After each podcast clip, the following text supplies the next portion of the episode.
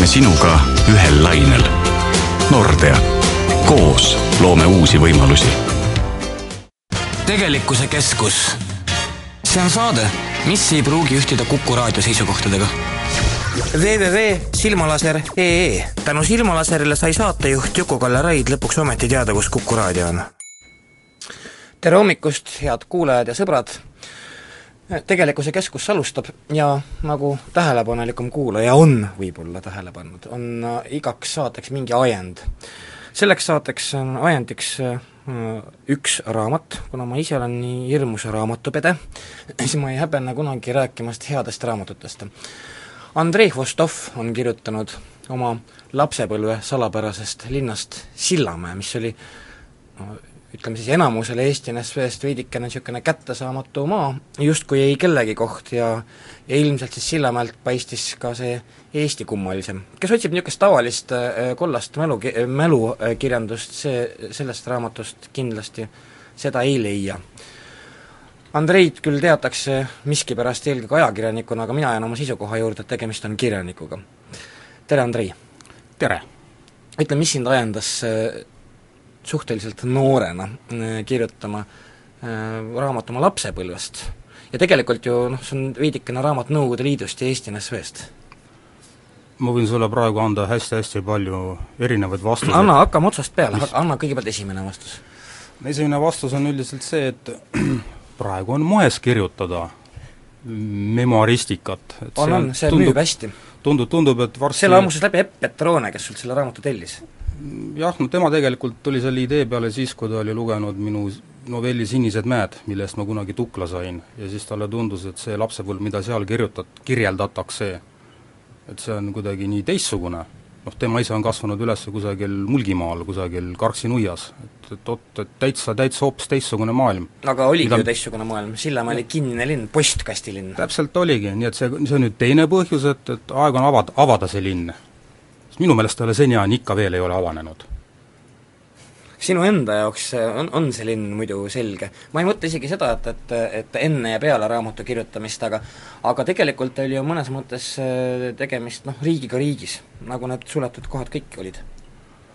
ta ei ole mitte ainult äh, riik riigis, vaid ta on mull ühes mullis mis on seesama, see minu, riik oli mull? minu, minu, minu hea kolleeg Raul Ranne, kes on minust veidi, veidi noorem mees, tema, tema oli Vene sõjaväes seal päris lõpus, päris lõpus, üheksakümnendate alguses veel, noh, sai poole pealt ära siis, kui Eesti vabanes, tema oli sõjaväes juhtumisi ühe Sillamäelt pärit venelasega mm. -hmm. ja Raul mulle on rääkinud niimoodi noh, jumala keeli niimoodi vannutanud, et see on tõsi ja ma usun teda absoluutselt. et see Sillamäe, Sillamäe poiss, see Sillamäe venelane, et ta näiteks ei olnud üldse teadvustanud, et Sillamäe asub Eestis, et tal oli raskus isegi öelda, et mis on Eesti NSV pealinn. ta oletas, et võib-olla ka Tartu. võib-olla ka Sillamäe. võib-olla Tallinn, võib-olla Tartu, võib-olla on Sillamäe, võib-olla on Lasnamäe et selline, selline, selline noh, iseendasse kapseldumine ja ma mäletan oma lapsepõlvest seda väga-väga selgelt, et noh, kui rääkida terminites, ütleme, päris Eesti, seda terminit ma kasutan oma raamatus, ja Sillamäe, siis Sillamäe elanikkond seisis päris Eesti poole seljaga ja kõik olid näoga Leningradi ehk siis Peterburi poole. kui mindi kusagile õppima, siis mindi Leningradi. aga kusagilt sealt tegelikult see äh, ütleme, päris ja, ja, ja vuhvel Eesti piir enam-vähem läks ka, sest et siiamaani on paraku nii, et, et ka inimesed Narvast, noh, kes täna seal elavad, äh, ei ole tihti, tihti näiteks Kohtla-Järvest või vähemalt Rakverest kindlasti äh, rohkem, eks ju, lääne poole sõitnud nii et ütleme, traditsioonid, traditsioonid no kestavad nõus, nõus, nõus, aga samas Sarv-, Narva on hoopis teistsugune linn, no üldse Kirde-Eesti linnad nad ongi, need seal on no, mitu suurt linna, nad on kõik sellise oma mentaalsusega, et Narvas, kuna nad on piiri peal ja piiri peal selles, selles tegelikkuses noh, sa näed üle jõe, et seal on Ivangorodi nimeline koloss ja siin on Narva. Ja seal juba arhitektuur tuletab sulle pidevalt meelde seal vähemalt on arhitektuur? seal vähemalt on, Sillamäel on ka arhitektuur, aga see arhitektuur, Sillamäe arhitektuur nimelt ei anna mitte mingisuguseid vihjeid sellest, et tegemist võiks olla Eesti linnaga. me teame, ja ei no absoluutselt, tegemist on nagu, nagu seda arvast-, arrastatakse kutsuda, see on vaese mehe Odessa, eks ole ju, sest et, justkui trepp võib olla mere no mul on hea meel, et sa tood sellise võrdluse, sest et see, see võrdlus tuli mulle endale, tuli pähe alles hiljuti. no ma ei olnud tükk aega aga see ei ole, see ei ole muuseas minu pandud nimi, ma, mina ka kuulsin seda ka äh, ilmselt kusagilt äh, nendelt kohalikelt, kuna ma, ma olen Sillamäel ikka uudishimust korduvalt äh, viibinud. Andrei, tegelikult see Sillamäe raamat, noh, see minu rõõmsaks üllatuseks ei ole see niivõrd palju ühe mingi inimese kujunemislugu, kuivõrd see raamat on vihkamisest. Ta ei ole ainult, ai noh jah, vihkamine, vot sina lugesid välja minule minule eh, vähemalt eh, väga kangastus see, see eh, tahtmine pääseda ei- meeletult. noh, koha vihkamine, kus sa oled sunnitud virelema. selline no hüva, et andsin, andsin edasi mingi sellise oma lapsepõlve emotsiooni, mis oli tingitud sellest kohast. ütleme, ja ladina keeles ütleme genius loci, koha vaim. vot koha vaim oli selline, et ta, ta tõrjus mind. Ma tundsin ennast selles linnas kogu aeg kuidagi, kuidagi halvasti, kuidagi valesti, et ma olen vales kohas ja muidugi ma sealt kippusin kogu aeg ära. kogu minu lapsepõlv on täis ainult mingit sellist ärakippumise tuhinat, soovi põgeneda sellest kohast Äh, sinu raamatu esitluse viis äh, äh, päris võluval kombel läbi Kadri Kõusaar ja, ja Kadri sundis sind rääkima mingit kohta, kus sa vaadates üle jäätunud Soome lahe, mõtlesid, et issand jumal, et läheks jalgsi kas või teisele poole. no sellised, selliseid katsetusi ma tegingi päris väiksena, aga noh, peale mingit tunniajalist kõndimist, kui Soome ikka veel ei paistnud, siis sa said aru, et siis ja külm hakkas, siis ma ikkagi pöörasin jälle, jälle kuulekalt tagasi ning, ning kõndisin kalli, kalli kodumaa randa mm -hmm. leplikult ja alistunult. Nii, aga kuna Kadri viis tegelikult selle raamatu ürituse läbi ja, ja tegi seda kahtlemata paremini, kui mina oskan sinuga rääkida, siis mina lähen suitsu tegema ja Kadri, Kadril on võimalus sinu käest küsida paar küsimust. aga me teeme replay sellele, mis me tegime seal Apollo Solarises, ma saan aru. absoluutselt, seal oli vähe inimesi võrreldes raadiokuulajate arvuga. ma suitsutan. no noh, minu jaoks oli selle raamatu puhul oluline see, et vaata, see on fifty-fifty, et see ei ole ainult Nõukogude ja ENSV Liidu ja Keelatud linna Sillamäe äh, kirjeldus, vaid, vaid tegelikult ka selline traumaatiline lapsepõlve kirjeldus. et, et äh, selles mõttes sa olid ääretult avameelne ja ja müts maha, et ma minule aga kas, kas saab üldse lapsepõlve läbielamisi lahutada sellest kohast, kus see kõik toimub? et see on, ma ei tea, noh, kohast endast tulenevalt juhtub nii mõndagi. ja selles mõttes, et äh, no kuna raamatu üheks eesmärgiks nüüd on, nüüd on Juku siit ära ja nüüd võib hakata rääkima Nüüd hakkame tegelikult, tõsist juttu tegelikult, mis, mis, mis, mis, mis oli eesmärk, eesmärk oli siiski mingi selline noh, püüd, püüd valgustada. ennekõike, nagu ka esimeses peatükis, ma ikkagi esimeses peatükis pöördun ma oma poja poole, kes on kahekümneaastane, kes on vabariigi laps täienisti ja kuna ta õpib psühholoogiat, siis ma tunnen sellist kohustatust, ütleme sellele põlvkonnale, kes ei mäleta neid aegasid ja kellele võib tekkida kunagi tulevikus, aga võib-olla juba praegu on tekkinud äh, mingisugune kas tõrge või arusaamatus või mingisugune ebamugavustunne, suheldes minuealiste põlvkonnaga, et kes me niisugused oleme, miks me aeg-ajalt ikkagi käitume nii kummaliselt, nende, nende seisukohalt vaadates, kuidas on võimalik meie, meie käitumist mõistuslikult seletada ja ja kuna me kõik pärineme ikkagi oma lapsepõlvest, oma noorpõlvest ja kuna see lapsepõlv ning noorpõlv oli no just selline, nagu ta oli, ning ütleme, praeguste kahekümneaastaste jaoks on ikkagi täiesti arusaamatu ja hoomamatu maailm, siis selle raamatu üheks eesmärgiks on kindlasti anda noorele põlvkonnale no mingisugune Ariadne lõng pihku võib-olla, et kui nad hakkavad nüüd, kellel on tõsine huvi tolle mineviku lahti mõtestamiseks ja ütleme, meie põlvkonna lahti muukimiseks.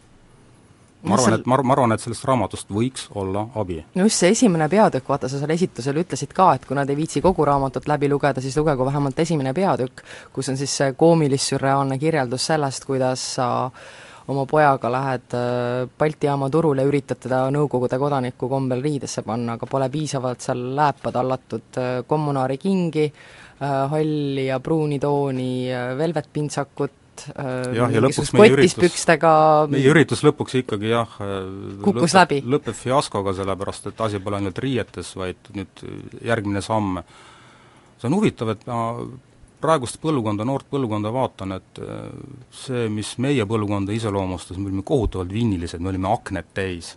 praegu on noored on nii sileda ja rõõsa näo, näonahaga.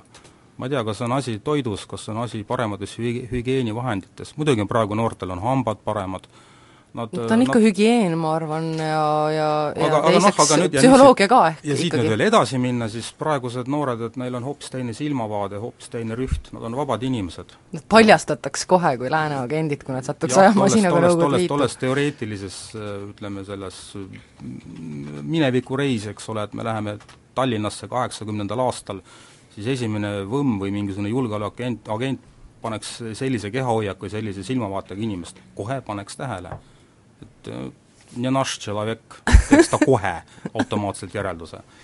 tagasi jõudis ka saatejuht suitsuruumist. seal on, vaata, sa tõid ka sellise äh, laheda väljendi, jutumärkides lahedad, nagu Nõukogude gestalt, et mis siis ei olnud mingisugused üle ekskavaat-, tunnistan, tunnistan, et see on laen Viktor Pelevinilt, Generation B on temal üks selline raamat, mida soovitan generatsioon B, see on eesti keeles täiesti olemas. Generatsioon B on täiesti olemas, soovitan kõigil lugeda, saate targemaks, saate paremaks. Ja seal on äh, Pelevin, ilmselt, ilmselt see on äh, Pelevini enda üliõpilasaegadest tõesti kusagil loengul kuuldud selline väide või selline termin nagu Nõukogude gestalt. Ja Nõukogude gestalt, see on, see on see on disainilisest seisukohast vaadates niivõrd inetu toode, et see inetus muutub juba eksistentsiaalseks. Et lä-, lääne, lääne tööstus või ma ei tea, lääne mõistus isegi kui püüab, ta ei suuda midagi nii koledat valmis vorpida, nagu üks Nõukogude king, nii nagu me mäletame, tuli, tuli kommunaari, kommunaari liinilt. ma mäletan kunagi, kui ma sattusin äh, Norrasse äh, Eesti geograafide, geoloogidega, siis äh, neil oli niisugune, me, me nimelt läksime selle Nõukogude imeliku pika ninaga selle bussiga sinna mille peale teised bussijuhid tulid ikka vaatama, küsisid meie bussijuhi käest, kas sa ise tegid selle bussi. et, et ilmselt paljud, paljud tooted jätsid selle mulje, nagu Kiisu ja Kutsu oleks ise nurga taga teinud, et, et aga noh, muidugi, muidugi on raamatus teisigi peatükke, mida ma julgeksin noortele soojalt soovitada, näiteks peatükk Külm sõda. Mm, See külma sõjaaegne paine. Paljud mäletavad seda niimoodi, nagu mina seda kirjeldasin, mõned ütlevad, et ei, ei, ei, ei, ei olnud. Igalühel on, igalühel on see kõik omamoodi meeles ja Oma muuseas, väike külm sõda. eks ta sõltub ka tegelikult tõepoolest ka geograafilisest ja kohast ja mistõttu ka kogukonna psühholoogiast, mis vaieldamatult kindlasti Sillamäel äh, oli näiteks teistsugune kui Tallinnas Nõmmel, kus minul oli au kasvada.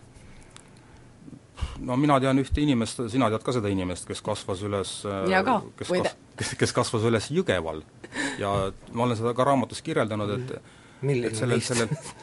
milline neist, noh üks, üks kena tütarlaps, kes, kes kasvas üles sellises pidevas tuumasõja puhkemise hirmus niimoodi, et tal, kui ta ka Jõgevalt tuli noh, korraks kusagile mujale Eestisse kõndima, siis tema esimene mure oli teada saada, kus on kohalik tuumavariant ja ma praegu ei tee nalja. ja tal isegi oligi kodus väikene kompsukene valmis pandud, et siis, kui see sireenid hun-, undama hakkavad ja on vaja kiiresti, kiiresti laskuda kusagile maa alla, siis tema haaras oma ta oli valmis pedagoogina.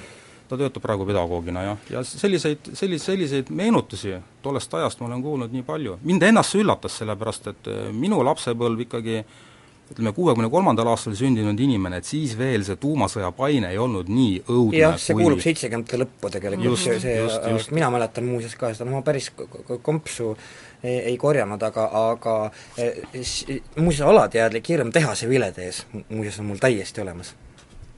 Täiesti, täiesti olemas, ma mäletan õppuseid, noh, nii, niiviisi see, jah, niiviisi see toona käis. aga selles mõttes noh, et minul oli ikkagi, nii nagu Nõukogude valitsus lubas, mul oli selles mõttes õnnelik lapsepõlv, et äh, sina ei kartnud midagi. Öeldi, öeldi küll, et tuumasõda on võimalik, aga see tähendab veel katastroofi, sest tuumasõda on võimalik võita ja Nõukogude Liit kindlasti võidab selle tuumasõja, kui Ja. ka juhtub midagi niisugust. muidugi, ja tuleb märg voodilina ümber panna ja nii edasi, eks ole, mit- pikali visata ja, ja sellised- muid kavalaid nõkse. jah, või siis näiteks teha neid äh, paberist äh, kurgesid, seda, seda, seda ma raamatus ka. kirjeldan jah, aga see oli, see oli nüüd jälle see seitsmekümnendate põlvkonna noh, paine. et Mhm. konkreetselt, konkreetselt ma tean jälle ühte inimest, kes äh, kümneaastase tüdrukuna ta tegigi sadade kaupa neid kurekesi, ta tegi ette juba igaks juhuks mm. -hmm. et kui pauk käib ja ümberringi radioaktiivsus, siis ta, ma ei tea, võtab need kured endale kaisu ja siis nad võivad päästavad ta. traagiline lugu, noh, praegu ajab naerma, aga. Sillamäe äh, on noh, praegu ta ikkagi, ma julgen väita, et on ta justkui Eesti osa. aga veel päris mõni aeg tagasi, noh ma mäletan nagu, see on lähedal Aaküla põgenike küla ja siis ma ikka sattusin Sillamäele ja siis need kohalikud küll tõepoolest ikkagi justkui Eestisse ei kuulunud, nii et tegelikult niisugune mm, riigist osasaamine võtab ju vaieldamatult aega, kui see asi on teistmoodi ehitatud. No kui see, selle linna ajalugu ja sünnilugu ise on juba niisugune, et noh, tegelikult meil tuleb pärast Anto Raukas ja räägib sellest, tema on üks väheseid inimesi, kes muuseas tõesti seda mäletab, ülejäänud on ära koolinud, Raukas miskipärast elab veel. ja noh, tähendab, seal raamatus oli sul tähtis äh, äh, koht, ma arvan, ka see, kus sa märkisid, et vaata, Sillamäel puuduvad nagu põliselanikud et, et mistõttu äh, et, et kõik on nagu copy ja paste'iga susatud lihtsalt kusagil, sinna. kusagilt mujalt tassitud, eks ole mm -hmm., tegelikult tõupuhas küüditamislinn mm. -hmm.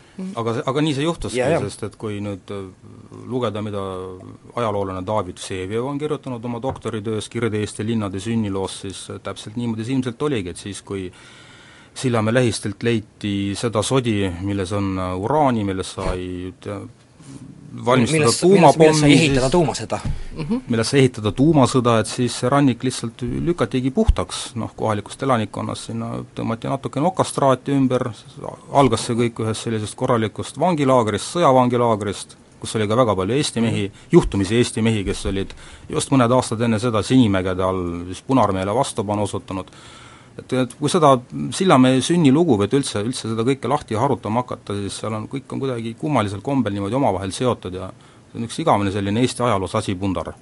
ja minu meelest suuresti seni, suurest, suures osas seniajani lahti harutamata. et seal tegelikult seda kirjanduslikku ainest on veel leiab ja küll ja küll kindlasti, ja, kusjuures eh, me käime korraks reklaamipausil, aga meil on telefonil tõeline üllatuskülaline, kes, nii naljakas kui see ka ei ole, on kirjutanud ka äsja raamatu Sillamäest. peale reklaamipausi kuulame me Ene Hiionit, inimest, kes muidu põhimõtteliselt äh, intervjuusid ei anna, vana raadioajakirjanik, inimene, kelle kangelast, üheks kindlaks kangelasteoks oli kokku viia Eesti Raadio saates Kolm meest stuudios äh, vana kommar Hendrik Allik, äh, Villem Raam ja Gustav Naan.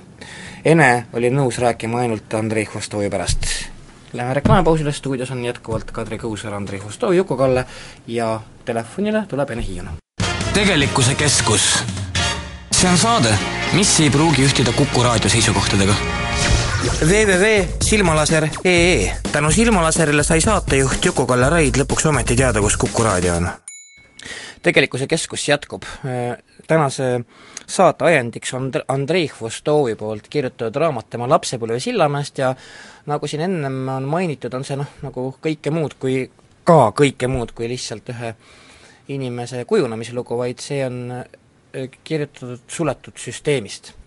aga ma olen äärmiselt äh, hea meel, ma olen äärmiselt äh, õnnelik olla, et, et ma suutsin surnuks rääkida legendaarse raadiohääle ajakirjaniku Ene Hiioni, kes tõesti ilmselt nõustus selles saates osa, osalema ainult seetõttu, et ka tema on kirjutanud just raamatu Sillamäest, kus ta muuhulgas tsiteerib Andrei Hvostovi.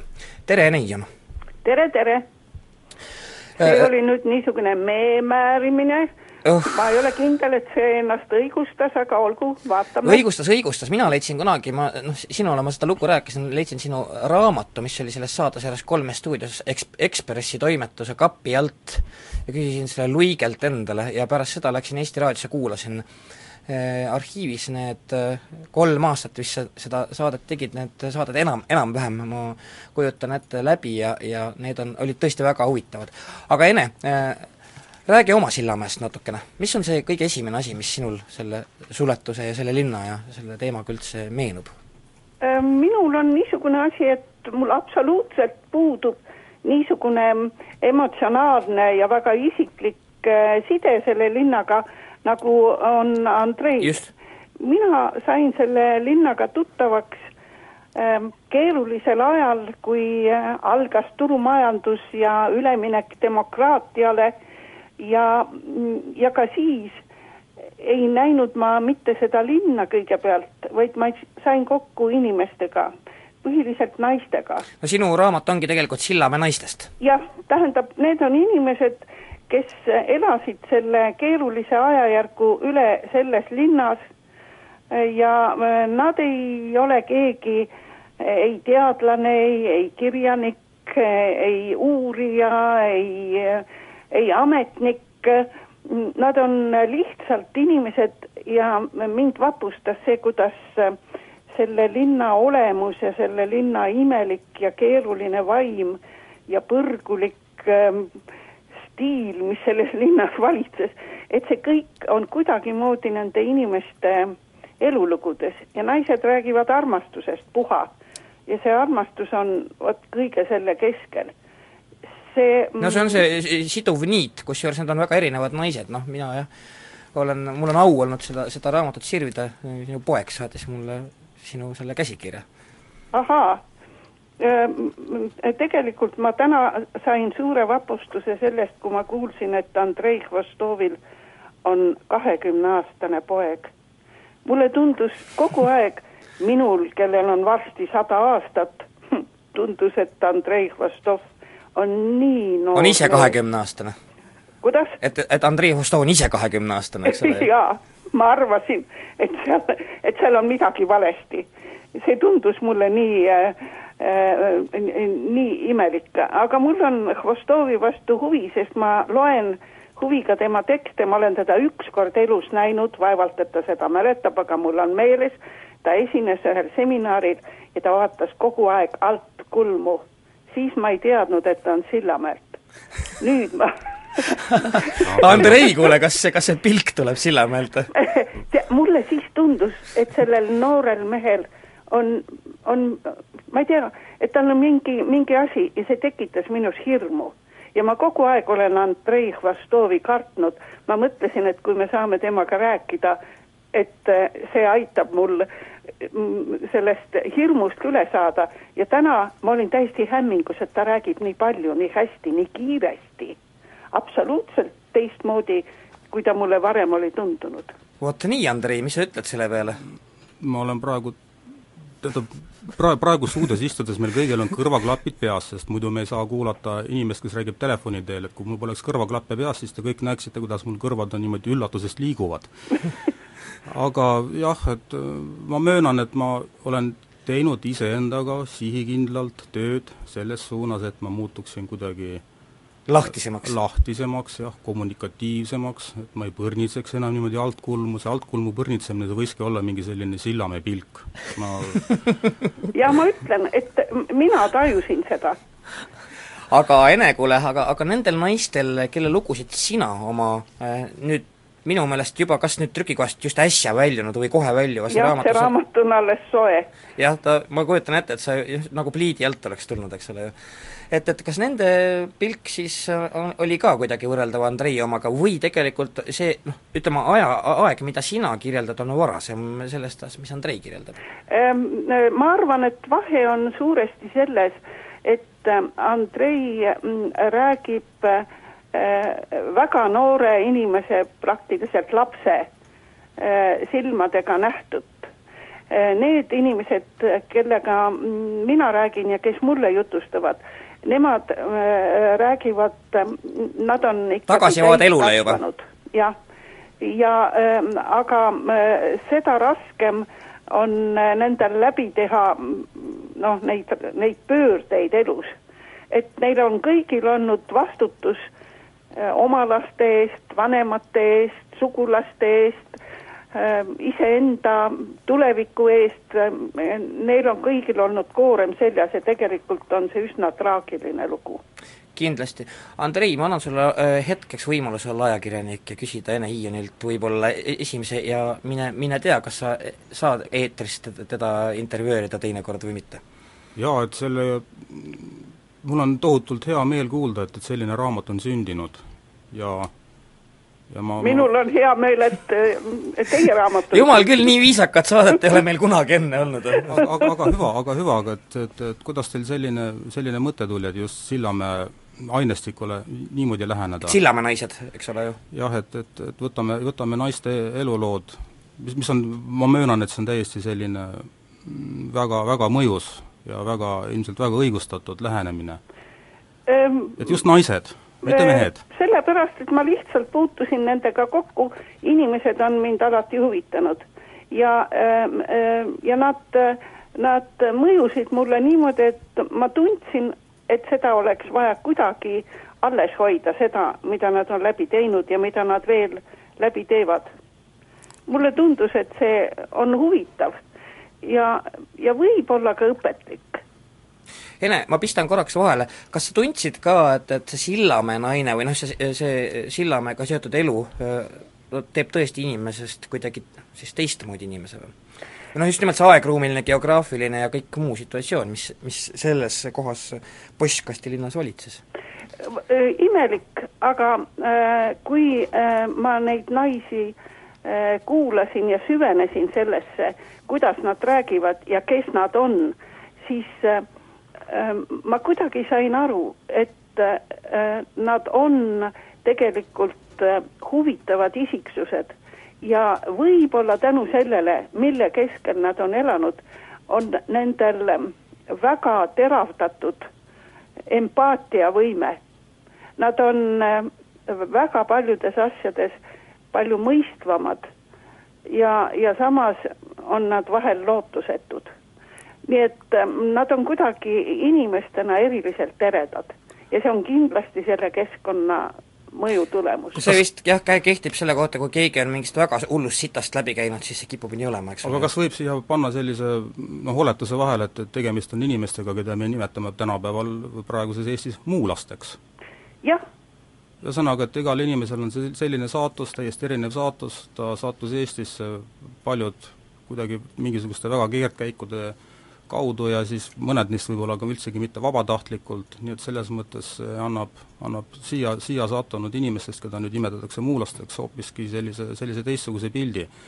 jah, kusjuures äh, Andrei, huvitav on see, et äh, nad ei, ei tunne ennast kodus ka sealt, kust keegi on tulnud, kas juhuslikult või, või sunniviisil, sest sealt on nad eraldunud ja, ja siin on nii, nagu on, ühesõnaga see tee on keeruline. jaa, see on täpselt minu isa kogemus, et minu raamat ongi selline meestekeskne pigem, sellepärast et mehi mõistan ma rohkem, naisi on minu raamatus meenutatud väga vähe ja minu isa kogemus on täpselt samasugune. ta tuli ära sealt Paikali taguselt kodumaalt, ta kaotas selle kodumaa ja, ja. siin Eestis ta ei leidnud uut kodumaad, nüüd selles mõttes ta on kusagile Paikali ja Peipsi var-, järve vahele ära kadunud. kas, kas Andrei ise oled leidnud öö, kodumaa? Minu kodumaa on Eesti. mitte Sillamäe? vot jah, nüüd ma, nüüd ma hakkan kogelema ja ma, ma ei oska, ma, ma, ma ei oska öelda. Eesti on Eesti on nii väike, et äh, Sillamäe veel väiksem ei, aga no ma ei, aga, aga pikkamööda, tead sa, see toimub pikkamööda, aga Sillamäe saab Eestiks noh, et see paine selles mõttes mul ikkagi kestab, et, et ma olin seal Sillamäel, ütleme, juurteta inimene ja siis need inimesed, kes mind ümbritsesid, isegi kui me räägime eestlastest, ega ma seal ka juurteta, täpselt samamoodi põl,? põlised eestlasi ka ei kohanud ja nüüd see paine jätkub selles mõttes, et ma nüüd, ma ei tea, käin niimoodi ringi ratast mööda Eestit ja ma ei ole kusagil juurdunud, ma ei ole, ma ei ole leidnud endale ikka, ikka veel kohta, kus ma ütleksin, et no nii, et see on nüüd minu kodu. kodu selles noh, selles, selles algses väikses tähenduses. ma, ma kuidagi ei juurdu mitte kusagil noh, ma ei usu, et see päris nii on. aga mine tea, ähm, võib-olla see võtab veel aega, lõpuks on juured all. see juhtub lõpuks kõigiga. jaa, Ene-I on, sa oled optimist paratamatult, lootusetult. aga äh, siin äh, stuudios on ka, tuletan lihtsalt kuulajale meelde ka Kadri Kõusaar, et ennem kui ma saadan ta kohvi tegema, äh, lasen ma ka Kadril küsida, Ene, sinult küsimuse, mida ta tahab küsida võib-olla ma küsiks sellist asja, et mis oli teie jaoks kõige šokeerivam nende naiste lugude juures või mis teid kõige rohkem rabas või üllatas? noh, mind äh, jagas äh,, rabasid kõige rohkem äh, need lood, mis on mis on seotud äh, banditismi ja kuritegevusega ühel teatud perioodil äh,. et äh, et need nii raskelt puudutasid peaaegu kõigi inimeste saatust, see oli mulle raskesti talutav. see, see vapustas mind, see ongi võib-olla see, mis, mis sai otsustavaks, et ma pidin selle asja käsile võtma. Siin on ilmselt jah, et nii palju, kui ma olen David Vsevioi monograafiast hoomanud, et siis pärast seda, kui Sillamäe peri, ajaloos lõppes see vangilaagri periood, ja sinna tuli nii-öelda vabalt värvatud tööjõud, mis võib-olla nii väga vabalt värvatud ei olnud, siis see oli bandiitide linn. absoluutselt jah, ja need naised on sellest rääkinud, ma soovitan soojalt Ene Hiioni raamatut kindlasti. ja muuseas, me läheme nüüd reklaamipausile, sellepärast et me tahame kõik kohvi ja Kõusaar läheb teeb meile kohvi. aga, aga Ene Iianit ma, ma tänan sind, et, et sa viitsisid ja ehkki sa mulle ütlesid, et üle kahe minuti sa ei taha rääkida, on kahest minutist saanud ja. peaaegu et kakskümmend. mul on jube piinlik, ei, ei vastupidi, see oli väga lahe. katkestada, aga nüüd ma tõesti lõpetan ja tänan väga tähelepanu eest ja mul on hea meel, et ma sain äh, mitme noore ja kena inimesega lähemalt tuttavaks mikrofoni kaudu läbi eetri, suur tänu! jah, ja meie loeme kindlasti kõik sinu raamatut veel kord. tegelikkuse keskus see on saade, mis ei pruugi ühtida Kuku raadio seisukohtadega. Www.silmalaser.ee tänu Silmalaserile sai saatejuht Juku-Kalle Raid lõpuks ometi teada, kus Kuku raadio on. tegelikkuse keskus jätkab ja kusjuures meil on täna niivõrd hea saade, et, et stuudio ukse taha on imbunud Hardo Aasmäe, kes ei räägi nagu tavaliselt, vaid kuulab. Ja see on juba näitaja aga me räägime äh, Andrei Hvostovi äh, raamatust Sillamäe passioon ja tegelikult äh, suletusest inimestes ja inimeste ümber. aga telefonil on vana sõber ja akadeemik Anto Raukas, kes on üks väheseid inimesi, kes võib tegelikult Sillamäe tekkelugu pajatada, tere Anto! tere, tere! kus sa siis mul peal hakkad? no ma tahaksin öelda, et et ma olin tõesti üks väheseid, kes, kes Sillamäel käis ka enne meie taasiseseisvumist ja põhjus on väga lihtsalt, sellepärast et meie Teaduste Akadeemia Keemia Instituut tegeles ju uraani rikastamise probleemidega ja seetõttu olid neil ka lepingulised tööd Sillamäe tehasega, aga ma tahaksin rohkem mitte tehasest rääkida, kuivõrd sellest toredast linnast, sellepärast et kui me praegugi sinna läheme, see on ju väga hästi säilinud stalinliku arhitektuuriga linn, mis kindlasti vajab säilitamist ja pakub suurt huvi välismaalastele ja peale selle enamus inimesi ei tea, kõik arvavad, et Sillamäe tehases tehti ainult siis tehti uraani rikastamise ja haruldase hajutatud elementidega, aga enamus vist ei tea, et, et Sillamäel tehti ka Nõukogude Liidu kõige paremaid tehiskalliskive, eriti kõrge kvaliteediga olid tehismaraktid. nii et seal oli ka palju muid asju ja mul on siiralt kahju, et Eesti riik ei osanud Sillamäe tehnilist intelligentsi kinni hoida, et nad Eestist minema ei läheks, sellepärast et seal oli see tõesti tehniline eh, tase oli väga kõrge. Anto, Ene Hiian siin natuke aega tagasi rääkis Andrei Hvostovi põrnitsevast pilgust, nimetades seda Sillamäe pilguks, eks ole ju, ja Andrei Hvostov räägib jälle oma raamatus Sillamäe surutisest. sina tundud Sillamäele kuidagi täitsa õnnelik olevat? ei no kõigepealt on niimoodi, et et no Sillamäe oli suletud linn mis selle postkassi sama... number oli, kas sa mäletad või? ei, ma ei noh, võib-olla ma leian selle üles, aga sel on neid postkassi numbreid nii palju, igal sõjaväe, igal sõjaväeosal oli oma number. aga ma tahaks öelda ainult seda, et kui anti välja meile piiritsooni lubasid, me tavaliselt see anti välja niimoodi, et sissesõit lubatud kõigisse Eesti eh, piiritsoonidesse, välja arvatud Paldiski linn. et seega eh, tegelikult Sillamäe ei olnud nii kinni, ta oli piiritsoonis, aga kui sa juba siis pöörasid sealt maanteelt Sillamäele sisse, ega sind keegi enam ei tülitanud, kuigi, eh, kuigi maantee otsas oli silt, et sisse sõid ainult lubadega. ja ega eh, üks asi on linnas käia, teine oli ikkagi tehasesse sattuda ja linnas oli väga palju kenasid inimesi ja need kenad inimesed on seal praegugi, sellepärast et et kui vaadata Sillamäe Eesti lasteaeda ja Sillamäe elanikkond on väga huvitatud integreerumisest ja näiteks ju väga hea meelega panevad Vene eh, kodanikud oma, oma siis lapsed Eesti lasteaeda ja kui me vaatame no see on hästi me... viimase aja tendents kusjuures. ei, see oli niimoodi, et ma mäletan, et et omal ajal, kui kadunud Lennart Meri tegi lahkumisvisiidi Kirde-Eestis ja ma olin tema saatja ja me käisime siis ka Sillamäel Eesti lasteaias, kus siis eh, Lennart Meri oma rahvaisana siis neid lapsi kiigutas. et juba siis oli ikkagi selge eh, suunitlus selle poole, et et nad tahavad, need lapsed oskasid eesti keelt ja peale selle ma õpetan Mereakadeemias, seal on palju noori inimesi ka Sillamäelt ja räägivad päris ilusat eesti keelt. no nii, Andrei, Anto andis meile hoopis teistsuguse pildi äh, Sillamäest, mida sina oma raamatus annad.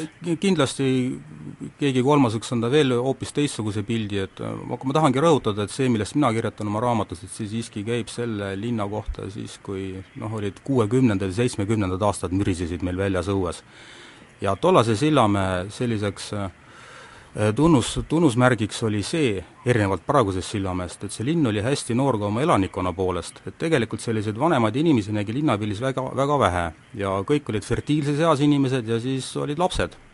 aga mis tähendab see, see selle noh, mikroühiskonna jaoks, kus on palju noori inimesi, seal on rohkem agressiivsust ühesõnaga kakelda tuli?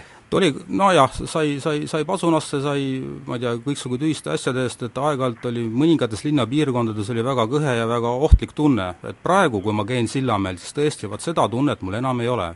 et ja ma ei ütle, et see, et see on, tuleneb sellest, et ma ise olen vanemaks vahepeal saanud ja nüüd ma enam ei karda, et keegi mulle kallale tuleb, aga seal ongi kuidagi hoopis teine õhkkond praegu, seda agressiivsust ma enam ei tunne no kindlasti ja kui Anto Raukas räägib äh, uraani rikastamise tehasest ja tehnilisest intelligentsist, siis äh, abs-, noh, tema puutus ka ju kindlasti teise kildkonnaga kokku kui sina, eks ole? jaa, et siin ma, siin ma olen, kuna ma praegu elan Käsmus noh, nii ajutiselt, ja siis seal mul on kokkupuude päris paljude Eesti kultuuriinimestega, kes näiteks räägivad Sillamäe kohta seda, et seal on keskmisest enam haritud elanikkond, mistõttu näiteks Eesti muusikud, klassikalise muusika äh, viljelejad, et ütlevad, et Sillamäe publik olevat parem näiteks kui Tartu publik, sellepärast et Sillamäe publik on noh, niisugune seal käib harva inimesi, vaata, harva käiakse esinemas, et ja, no, aga, aga nad on sellised intelligentsemad ja haritumad ja ma selle, ma võtan selle teadmiseks, aga see mitte kuidagimoodi nagu ei korreleeru minu lapsepõlvemälestustega. no seda ei saagi korreleeruda, aga ma ütleks juurde, et et te kujutage ette ikka Sillamäe inimeste traumat pärast Eesti taasiseseisvumist, sest see linn oli ju eelisolukorras kauplused olid tunduvalt paremini varustatud kui teistes Eesti linnades. Ja peale selle eh, noh, tööd enam ei olnud. Ja noh, sellest paljud lahkusid, aga peab ütlema, et ega kui me vaatame interliikumist, siis Sillamäe oli ka interliikumise ajal suhteliselt niisugune vaoshoitud ja tagasihoidlik.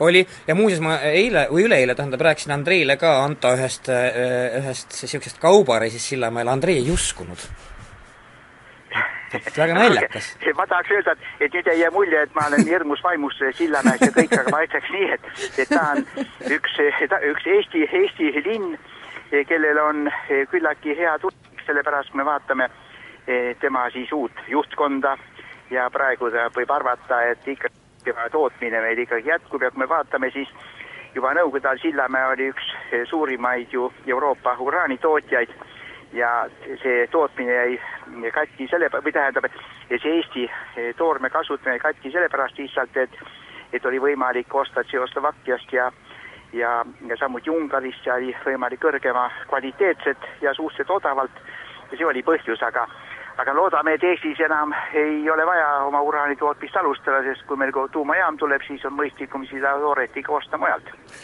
Kadri Kõusaar pole üldse sõna saanud viimasel ajal. tahad sa Antolt midagi küsida? ei noh, ma ei tea, selles mõttes, et me homme näiteks planeerime siin äh, ekspeditsiooni Erkrohelise Mürgijärve äärde, aga ma kuulsin just, et, et, ähm, et see Sillamäe Äh, kõrval asunud äh, mürgjärv on siiski kinni kaetud. no see oli tehase kõrval, aga see on tehase kõrval, jah. korrastatud piirkond juba praegu. see, millest ja. mina räägin, see on Eesti, Eesti elektrijaama kõrval. jah, et sinna me, sinna me kõik homme kindlasti läheme. Ja Sillamäel on ikkagi see jäätmehoid on korrastatud praegu? jaa, praegu küll, Sillamäel jah, absoluutselt. elagu Euroliit, et midagi, mingisugused no, jäätmed siiski Sillamäe... ei paisku enam õhku. noh, aga Euroopa Liit oli ise huvitatud sellest, ta oli Mõligi. Euroopa kõige, kuue kõige ohtlikuma objekti hulgas ja samal ajal, kui me kõneleme näiteks Soome lahe puhtusest, siis on, Eestis on hoovused liiguvad läänest itta, meie saaste läheb kõik Venemaale ja sealt, et kiiru läheb Soomele, Soome randa ja soomlastel oli selge muidugi, et lihtsam on anda Eestile ja Eestile ja siis Venemaale raha, et nad puhastaks veed ära, sest Soomes oleks see kallimaks läinud. Anto, ma tean, et sa oled praegu maailmamessil ja, ja, ja mina ja praegu tänan... me räägime elektriautodest just. räägite või? just. kas õnn või õnnetus, no kumb ta on? noh, täieliku profaanina, kes ei oma ühe, ühtegi luba, äh, tundub mulle, et, et see mõistlikult ajades võiks olla õnn no hästi, kindlasti vaidled vastu. aga minge Sillamäele sellepärast, et, et näiteks võtame Sillamäe spordikeskust näiteks ja kõik muud, need on ikkagi väga, väga tasemelised peale selle linn, mis on avatud merele ja küllap seda linna saab veel palju ilusamaks teha. jaa, Anto, ja muuseas, ma omalt poolt luban, et ma kiunun Hostovi kallal nii kaua, kuni ta kingib ka sulle oma Sillamäe passiooni nimelise äh, raamatu mis, mida sul on kindlasti äh, selle algusaegade juures olnuna huvitav ja, ja. lugeda. aga aitäh Antole no, meie kõik head, jah. jaa, ja, ja, ja me siin no Andrei, et, et tõepoolest, Raukasel on ju täiesti teine pilk sellele asjale? mis teebki mulle ainult head meelt, sellepärast et äh, nüüd, kui ma suhtlen ütleme, välismaalastega, ameeriklastega, kes aeg-ajalt satuvad sinna Kirde-Eestisse kõndima ja nad on vaimustused lihtsalt sellest linnast, et oo, milline arhitektuur, palju rohelust, vaata kui huvitavas kohas see asub ja tõepoolest, kuulge, ta enne teist maailmasõda, ta oligi ju kuurortlinn. ja ta oli, enne esimest maailmasõda ta oli, ta oli Peterburi keskklassi üks, üks ihaldatuid puhkamiskohti. koos Narva-Jõesuuga, absoluutselt, üks, üks äh, väga, väga ütleme jah, kõva ja hinnatud kuurort. et see, see, lugeda tolleaegseid kirjeldusi, siis mul, ma ei tea, mul tahaks kohe koera moodi ulguma hakata, et, et, et miks, miks, jah, et kuhu, kuhu see kõik see, kõik see ilu ja kaunidus on kadunud, et miks, miks, miks peab olema kõik nii ebaõiglane elus Andrei, siin saate alguses äh, korraks peatusime, õigemini sa Kadriga peatusid sellele asjale, et inimese äh, suruti seal elanud inimese, Nõukogude Liidu kodanikku, mis kõlab teatavasti uhkelt, eks ole ju. Majakovski, Majakovski. ja Majakovski, just nimelt, et, et selle, selle tunneb ära köökus selja ja, ja, ja harukordselt rabeda pilgu järgi. mis sa arvad, kuna see teisenemine inimeste hoiakus ja pilgus võis tänases Eestis toimuda? Niimoodi on praegu raske öelda. uue, uue, uue põlvkonna tulekuga muidugi, kohe hoobilt, ma siin hiljuti suhtlesin OP-i meeskonnaga ja siis noh, nemad on seal opi, opi intervjueerijate tandemis, et nad on sündinud kaheksakümmend neli, siis ma hakkasin neid pinnima, et mis nad mäletavad üldse Nõukogude ajast, nad ei mäleta sellest mitte midagi, nad mm ei mäleta ka laulvast revolutsioonist ja aga Kadrigi mäletab võib-olla natukene halvasti, sa oled vist kaheksakümmend üks sündinud või? kaheksakümmend. kaheksakümmend. ja ma mäletan siiski veidi rohkem kui nemad. no veidi rohkem, jah. selles, selles mõttes ütleme, et see põlvkond noh, kes on nüüd sündinud sellel ajal, et kui neid, nad näiteks saata sellisesse, komandeerida sellisesse ülimalt ohtlikusse linna nagu Moskva, siis nad seal liiguvad nagu kala vees ja Moskva miilits ei pane neid üldse tähele mm. -hmm. aga mina oma raamatus kirjeldan seda, kuidas siis, kui mina käisin üheksakümnendate keskel, käisin päris tihti Moskvas, kuidas ma olin kogu aeg hädas Moskva miilitsaga, sest kui oli mingisugune haarang, siis nad, nad peilisid, ma ei tea, mitmesaja meetri kauguselt ära, et ahaa, sealt ta tuleb, meie saakloom nad tundsid mu ära. absoluutselt, muuseas täiesti sama asi, mina sellest ma võin, võin ka täiesti vabalt pikalt rääkida, nad teadsid kohe, kust, kelle käest sada rubla küsida.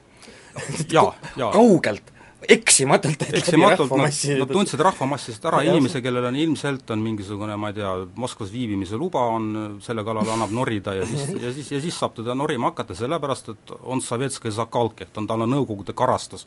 kohtudes miilitsaga, ta võtab kohe õige kehahoiaku, võtsingi.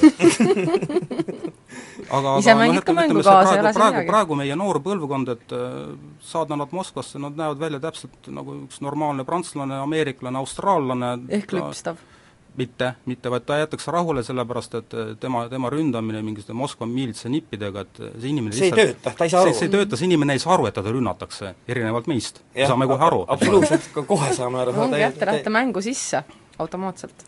nii et selles mõttes, aga vot see üleminekuaeg, et noh, ma ei tea, et kas inimene, kes on sündinud eh, ütleme sellisel ajal, kui ta ikkagi juba Nõukogude võimust imes endasse midagi ütleme, tead-, nat-, sellise kasvava teadliku inimesena, et kui palju temas on veel seda säilinud.